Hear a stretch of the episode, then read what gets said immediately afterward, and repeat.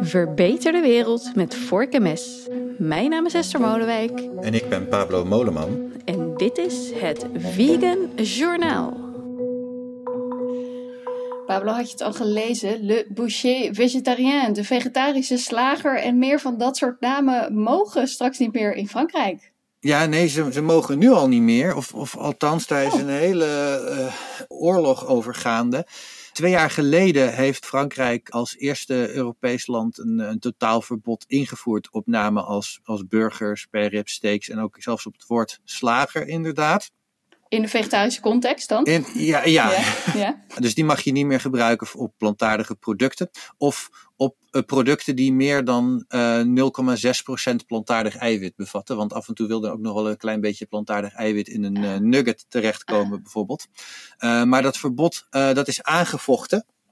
De European Vegetarian Union en de Franse vegetarische organisatie AVF, die hebben de Franse staat voor de rechter gesleept. En de rechtbank die heeft geoordeeld dat die, die wet veel te vaag was en niet goed onderbouwd. En die heeft hem tot nader order opgeschort. En die heeft hem vervolgens weer doorgeschoven naar het Europese Hof van Justitie, de allerhoogste Europese rechtbank. Dus het is echt, ja, uitgegroeid van een, uh, een slecht onderbouwd uh, wetje tot echt een, een, een grote Europese uh, zaak nu, die hele grote consequenties kan hebben, dus ook voor, voor andere landen. Want als de Europese rechter zegt dat het niet geoorloofd is om dit soort verboden in te voeren, dan betekent dat dus dat ook in andere landen dat niet meer mogelijk is. Aha. Dus jij vat het eigenlijk toch vooral als positief nieuws op? Ja, ja, absoluut. En het is denk ik een beetje. Het is in de media gebracht als van. Oh, Frankrijk gaat nu iets verbieden. Maar dat mist dus eigenlijk een beetje deze, deze grotere context. Waar het Europese Hof nu naar gaat kijken is twee vragen. Eén is of je als land individueel dit soort wetgeving wel mag invoeren. Want we hebben een Europese gedeelde markt. We hebben Europa breed hebben we afspraken gemaakt over wat wel en niet mag qua labeling. Dus de vraag is een beetje van in hoeverre kun je daar als land iets bovenop gaan doen, daarvan afwijken. Want dat zou ook weer consequenties kunnen hebben voor de vrijheid van goederen. Zeg maar. Dus dat bijvoorbeeld de vegetarische slager vanuit Nederland producten in, eh, in Frankrijk gaat, eh, gaat verkopen. En ze gaan kijken naar de proportionaliteit van als je doel is om uh, consumenten goed voor te lichten en te voorkomen dat mensen in de war raken van zo'n productnaam, is zo'n verbod dan nodig? Is het, is het proportioneel?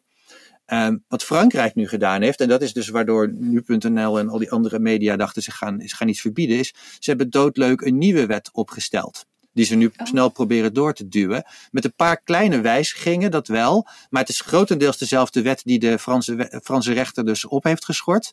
Uh, en de Franse regering die, die zegt dat ze hiermee de problemen die die Franse rechtbank heeft gezien hebben opgelost. Het is zeer de vraag of de Franse rechtbank daarin meegaat en of het Europese Hof van Justitie daarin meegaat. Maar het leidt in elk geval tot enorm veel vertraging, omdat nu een heel groot deel van die rechtszaak helemaal opnieuw moet worden gedaan op basis van die net iets aangepaste wet. En ja, daar was het misschien ook wel om te doen om tijd te kopen uh, om een sterkere verdediging op te bouwen. Want het is duidelijk dat de Franse overheid dit verbod heel graag wil. Ja. Mag ik doorgaan met, um, ik heb een berg stikstofnieuws. Nou. ik ga het proberen compact te houden. Want het is grappig genoeg, ondanks dat er natuurlijk zomerreces is geweest en dat het landbouwakkoord uh, ja, eigenlijk in de ijskast uh, lag, is er toch best wel veel aan de gang. Namelijk 491 boeren hebben zich gemeld voor die vrijwillige uitkoopregeling. En dan gaat het voornamelijk om de piekbelasters. En dat is ook logisch, want ja, die krijgen de hoogste vergoeding voor hun stallen. Namelijk 120% van de waarde. Dus voor hen is het natuurlijk ook het meest aantrekkelijk. Nou, het is nog niet ja, definitief... Een woest aantrekkelijke regeling was het toch? Is, woest aantrekkelijk. Woest aantrekkelijk. Nou ja, dat, dat is hij dus voor, voor best een aantal boeren ook. En het feit dat er 491 zich in hebben geschreven en er zijn 600 piekbelasters gedefinieerd, laat zien dat hij dus ook uh, nou, dat hij, uh, op zijn minst aantrekkelijk is. Uh, het is nog niet zo, ja, het is nog niet zo dat het, um, dat, dat, dat het al definitief is, want inschrijving is nog niet direct deelname. Dus er komt dan, nou, er komt dan nog de definitieve berekeningen komen nog. En daarnaast heeft het een aantal juridische consequenties. De boer moet er bijvoorbeeld nog achterkomen wat hij met zijn land mag gaan doen als hij uh, zou stoppen met de veehouderij. Dus nou, er, er, zit nog best wel wat aan vast. Maar goed, veel boeren hebben zich dus ingeschreven. 228 van de boeren is varkenshouder en 110 is pluimveehouder. En de rest ga ik daar maar vanuit zal voornamelijk uh, melkveehouders zijn. Hoe kan dat nou? het was toch juist zo'n zo'n enorme domper dat bijna niemand met die regeling aan de slag wilde. En dat ze zelfs op die website niet eens konden vinden of ze nou een piekuitstoter waren of niet.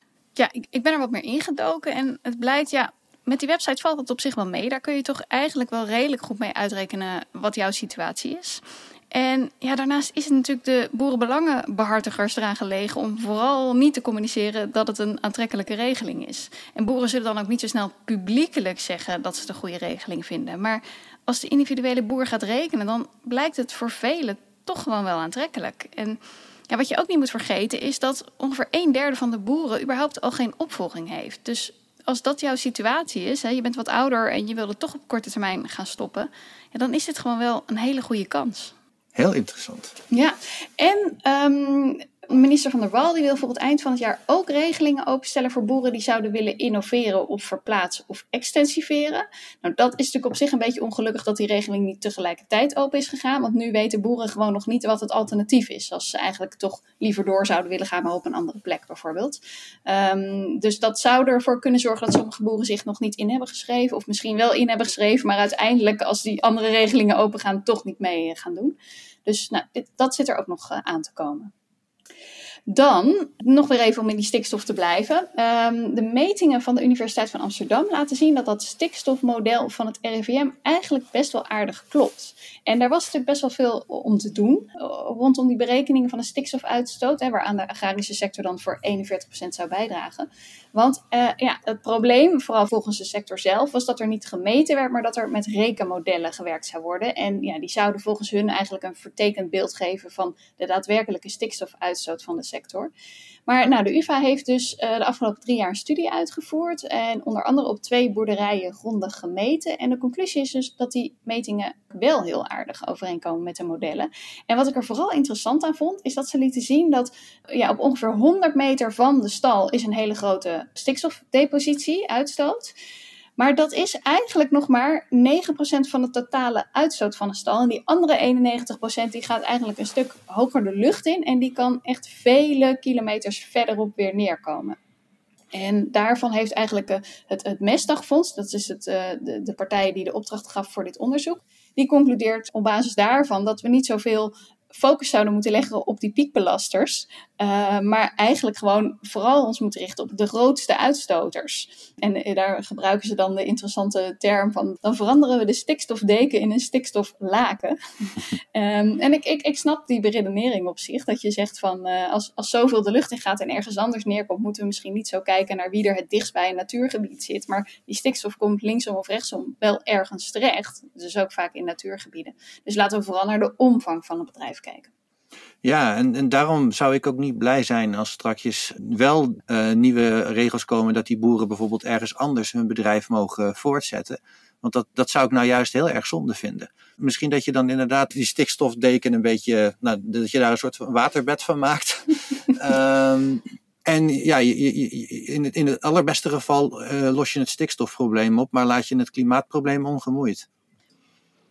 Ja, nou over dat stikstofprobleem, uh, want dat, dat, lijkt eigenlijk nog wel ietsje groter dan het uh, aanvankelijk leek. Uh, want Wageningen Universiteit die heeft de invloed van stikstof op de natuur onderzocht. En dat is dan een herziening die elke tien jaar plaatsvindt. En wat blijkt nou? De schade is eigenlijk nog groter dan gedacht. Dus ja, Van der Wal zal daar wel degelijk iets mee moeten.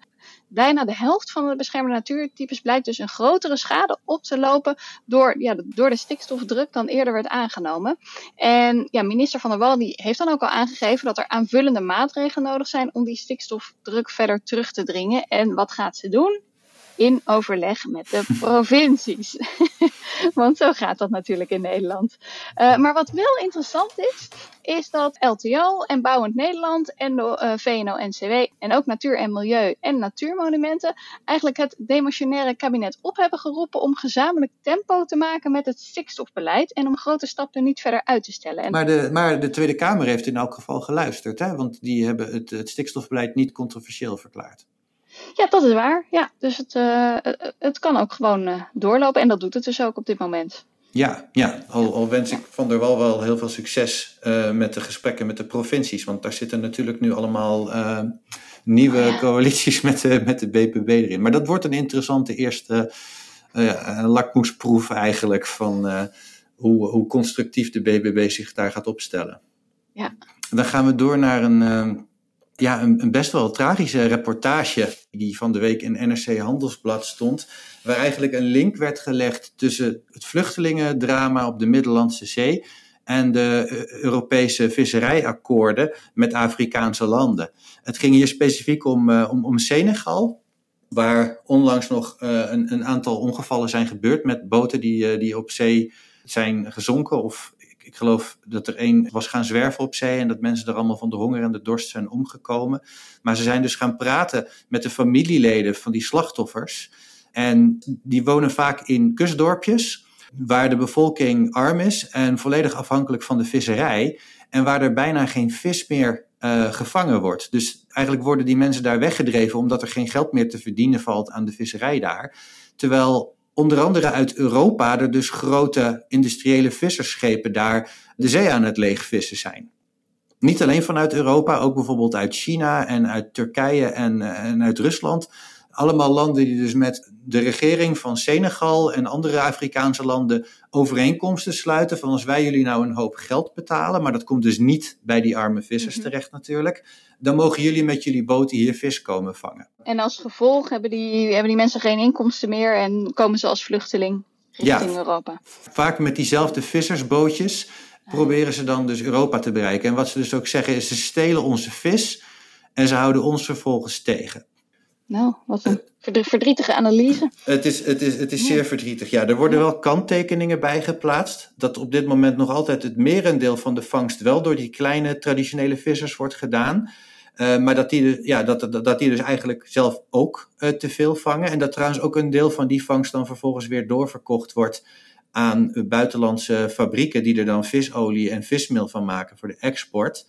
Wat dan ook niet mag. Een ambtenaar die zegt ook, als ik ze betrap erop, dan zeggen ze, meneer, ik moet wel, want ik moet mijn gezin voeden en er is geen andere vis. Want het, ja, het gaat dan om kleine visjes die eigenlijk niet gevangen zou mogen worden. Dus er is ook vanuit die traditionele vissers heel veel illegale visserij en, en overbevissing. Ja, het is eigenlijk gewoon één groot drama daar natuurlijk. En ik zou wel zeggen, het laatste wat je dan wil, is dat we daar als Europese landen nog eens een keer aan toe gaan voegen. Door daar met onze industriële visserschepen ja. heen te gaan. En weet jij in hoeverre die vis ook hier in de Nederlandse schappen ligt? Zijn wij daar mede verantwoordelijk? Uh, ja, ja, zeker. Ja, ja dat, uh, dat wordt, in, wordt in heel Europa gegeten. Ja. En, uh, en het gaat ook echt om heel veel akkoorden. Ik, ik, heb, ik heb één jaartje meegedraaid in het visserijbeleid in, in Brussel. En het heeft me echt verbaasd. Ik dacht dat we het gingen hebben over over de Europese vangstquota. Maar ik was zeker de helft van mijn tijd bezig met de goedkeuring, of als het aan mij lag, de afkeuring natuurlijk, van al die contracten met al die Afrikaanse uh, staatjes. Waar dus allemaal deeltjes werden gesloten om daar, daar de vis weg te mogen halen. En het argument was eigenlijk altijd van ja, wij moeten dit gewoon doen. Want als wij het niet doen, dan doen de Chinezen het. En wij doen het tenminste verantwoord. -hmm. Nou, Pablo, en ja, wat, wat kies jij dan? Wat heb jij dan gekozen? Nou ja, ik had daar zelf niet veel in te kiezen. Ik was, oh. ik was, ik was politiek assistent van, uh, van, van Anja Hazekamp van de Partij voor de Dieren. En die stemde natuurlijk tegen al die visserijakkoorden. Maar ze werden met grote meerderheid elke keer weer, uh, weer aangenomen. Ja. Maar ik denk, de, de, de, de, de kern is dus ook dat het hypocriet is dat we die vluchtelingen tegenhouden. En dat we tegelijkertijd eigenlijk ze daar zelf, nou, dat we eraan bijdragen aan leveren, dat we ze daar wegdrijven. Dan ga ik nu door naar Zwitserland, want de Zwitserse overheid wil een drastische verlaging van de vleesconsumptie. Ze hebben een nieuwe uh, klimaatstrategie gepresenteerd uh, voor de landbouw.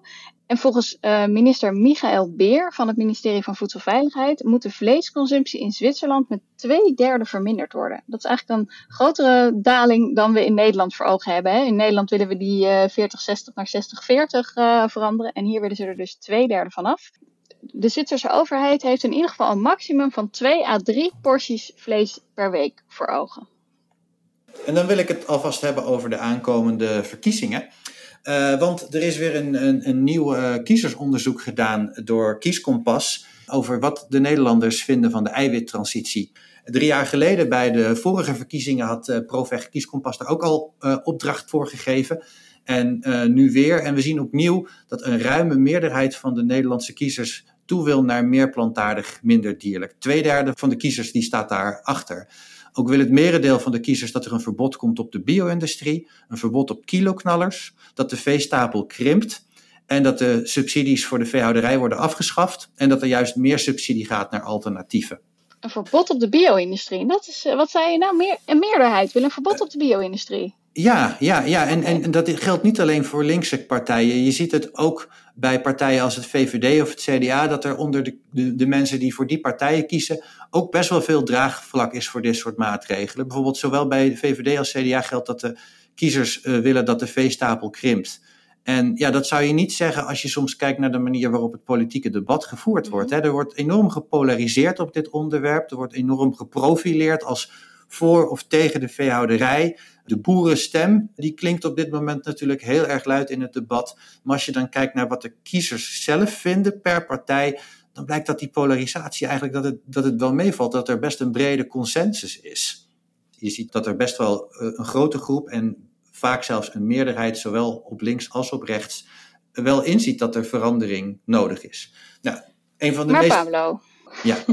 Even kijken. Jij zegt het is, dit is uitgevoerd door Kieskompas in opdracht van Proveg. Uh, hoe werkt dat dan? Uh, verspreidt Proveg dan vooral deze enquête onder de Proveg uh, nee. nieuwsbrief? Nee, natuurlijk niet. Nee. Ja, ik vind het bijna ongelooflijk wat ik hier zie. Ja, nee, natuurlijk niet. Nee, nee, kijk, nee. wij geven aan Kieskompas opdracht, willen jullie onderzoeken wat Nederlanders vinden van, en dan kom je met een aantal vragen die leg je voor, zoals van wat vinden Nederlanders van de omvang van de cv-stapel, van de transitie naar plantaardig. Ja. En een, een reeks met beleidsvoorstellen waarvan wij willen weten wat de kiezers van verschillende partijen daarvan vinden. Kieskompas die zet dat om in een vragenlijst. Die zorgt ervoor dat die ook op een wetenschappelijk deugende manier wordt opgesteld. En die wordt dan verspreid onder het panel van Kieskompas. Niet onder okay. onze achterban uh, natuurlijk. Nee, okay, en dat okay. panel dat is, dat is representatief voor de Nederlandse bevolking op basis van een hele trits van indicatoren, leeftijd, geslacht, opleidingsniveau, of je in de stad woont of op het platteland, op welke partij je stemt. Dat wordt, allemaal, wordt allemaal netjes gewogen natuurlijk. Zodat En je, hoe, hoe verklaar je dan dat mensen die bijvoorbeeld zeggen van eh, we, willen, we willen een verbod op de bio-industrie, dat die stemmen op VVD of CDA? Ja, je, stemt, je, stemt natuurlijk niet alleen omdat je het belangrijk vindt dat de bio-industrie wordt, wordt verboden. Je hebt een, je hebt een hele, heel, hele reeks natuurlijk aan politieke standpunten en dit is daar één van. Maar wat, wat, ja, wat, ik, wat ik misschien nog wel de, de meest saillante uitkomst van het onderzoek vind, is dat de BBB-kiezers, het zal je niet verbazen, dat die niet staan te trappelen om de veehouderij af te schaffen, maar toch een kwart van de kiezers van de BBB die wil ook een verkleining van de veestapel. En een derde wil dat de bio-industrie verboden wordt. Dat is dan wel geen meerderheid, maar dat is toch wel een enorm aantal van die kiezers.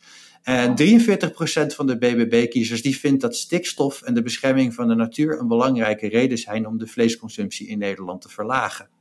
Zijn deze uitkomsten een mooie aanleiding om een kopje koffie te gaan drinken met eh, Caroline en er deze resultaten aan te bieden? Ja, ja, ik denk het wel. Ja, en ik denk dat jouw vraag hier extra relevant is. Hè? Waarom stemmen deze mensen dan op de BBB? Ik denk wel omdat ze de landbouw belangrijk vinden, uh, maar misschien niet de landbouw zoals die er nu is. Ja. Dat ook zij Ja, wel echt op, uh, op, op verandering Hm. zitten te wachten. Ja, of, of, Ja. of ze stemmen op Caroline omdat ze zo'n leuk mens is, natuurlijk. Dat zou kunnen. Goed, ik denk dat we hem hier moeten eh, stoppen. Nee, ja, ik, ben eigenlijk Oh, het belangrijkste punt vergeten nog. Oh, dat is oh, eh oh. omzicht. Ja, Ja. want ja, de, de grote vraag is natuurlijk, die hadden we drie jaar geleden nog niet onderzocht. Wat vinden de kiezers van omzicht nou? Want dat wordt misschien wel de grootste partij in het land. En niemand weet eigenlijk wat omzicht zelf precies gaat vinden. Zijn verkiezingsprogramma is nog niet bekend. Maar we, we zagen dus ook dat een grote meerderheid van de kiezers van omzicht ook deze kant op wil. Dus 59% willen verkleining van de veestapel, 62% willen verbod op de bio-industrie, 68% willen verbod op kiloknallers. Dus we willen dat ook graag aan omzicht meegeven. Van nou, als je nu je lijst aan het samenstellen bent en je programma aan het opstellen van weet ook dat, en hij heeft zelf ook al aangegeven, hè, van ik ben niet de politiek ingegaan om de vee-industrie in bescherming te nemen. Dat was zijn, zijn argument waarom hij zich niet bij de BBB aansloot. Nou, Mhm. goed om te weten voor omzicht dat zijn kiezers daar dus ook vierkant achter staan. Kijk, Nou ja, wat, we, wat we in het algemeen zien is dus ook dat er, dat er steun is voor concrete maatregelen. Overheidscampagnes om mensen voor te lichten over minder vlees. Verplichte duurzaamheidslabels. Verbod op de kiloknaller. Het enige waar we nu minder steun voor zien dan drie jaar geleden, dat is een vleestaks. Daar was drie jaar geleden nog wel een krappe meerderheid voor en nu niet meer. Dat is denk ik ook wel heel goed te verklaren, omdat het vlees intussen al een stuk duurder is geworden natuurlijk. En omdat mensen het allemaal wat uh, economisch wat, uh, wat, wat minder hebben. Uh, maar ja, genoeg te doen dus. En het mooie is denk ik dat de politici hoeven niet eens tot de verkiezingen te wachten. Ze kunnen er nu al mee aan de slag. Uh, want ook de nationale eiwitstrategie is niet controversieel verklaard. Nou, zullen we met deze positieve noot dan uh, gaan beëindigen en kijken wat ze daadwerkelijk gaan doen? Ja, dat lijkt me een goed idee. En dan zie ik je over twee weken weer. Ja, tot dan.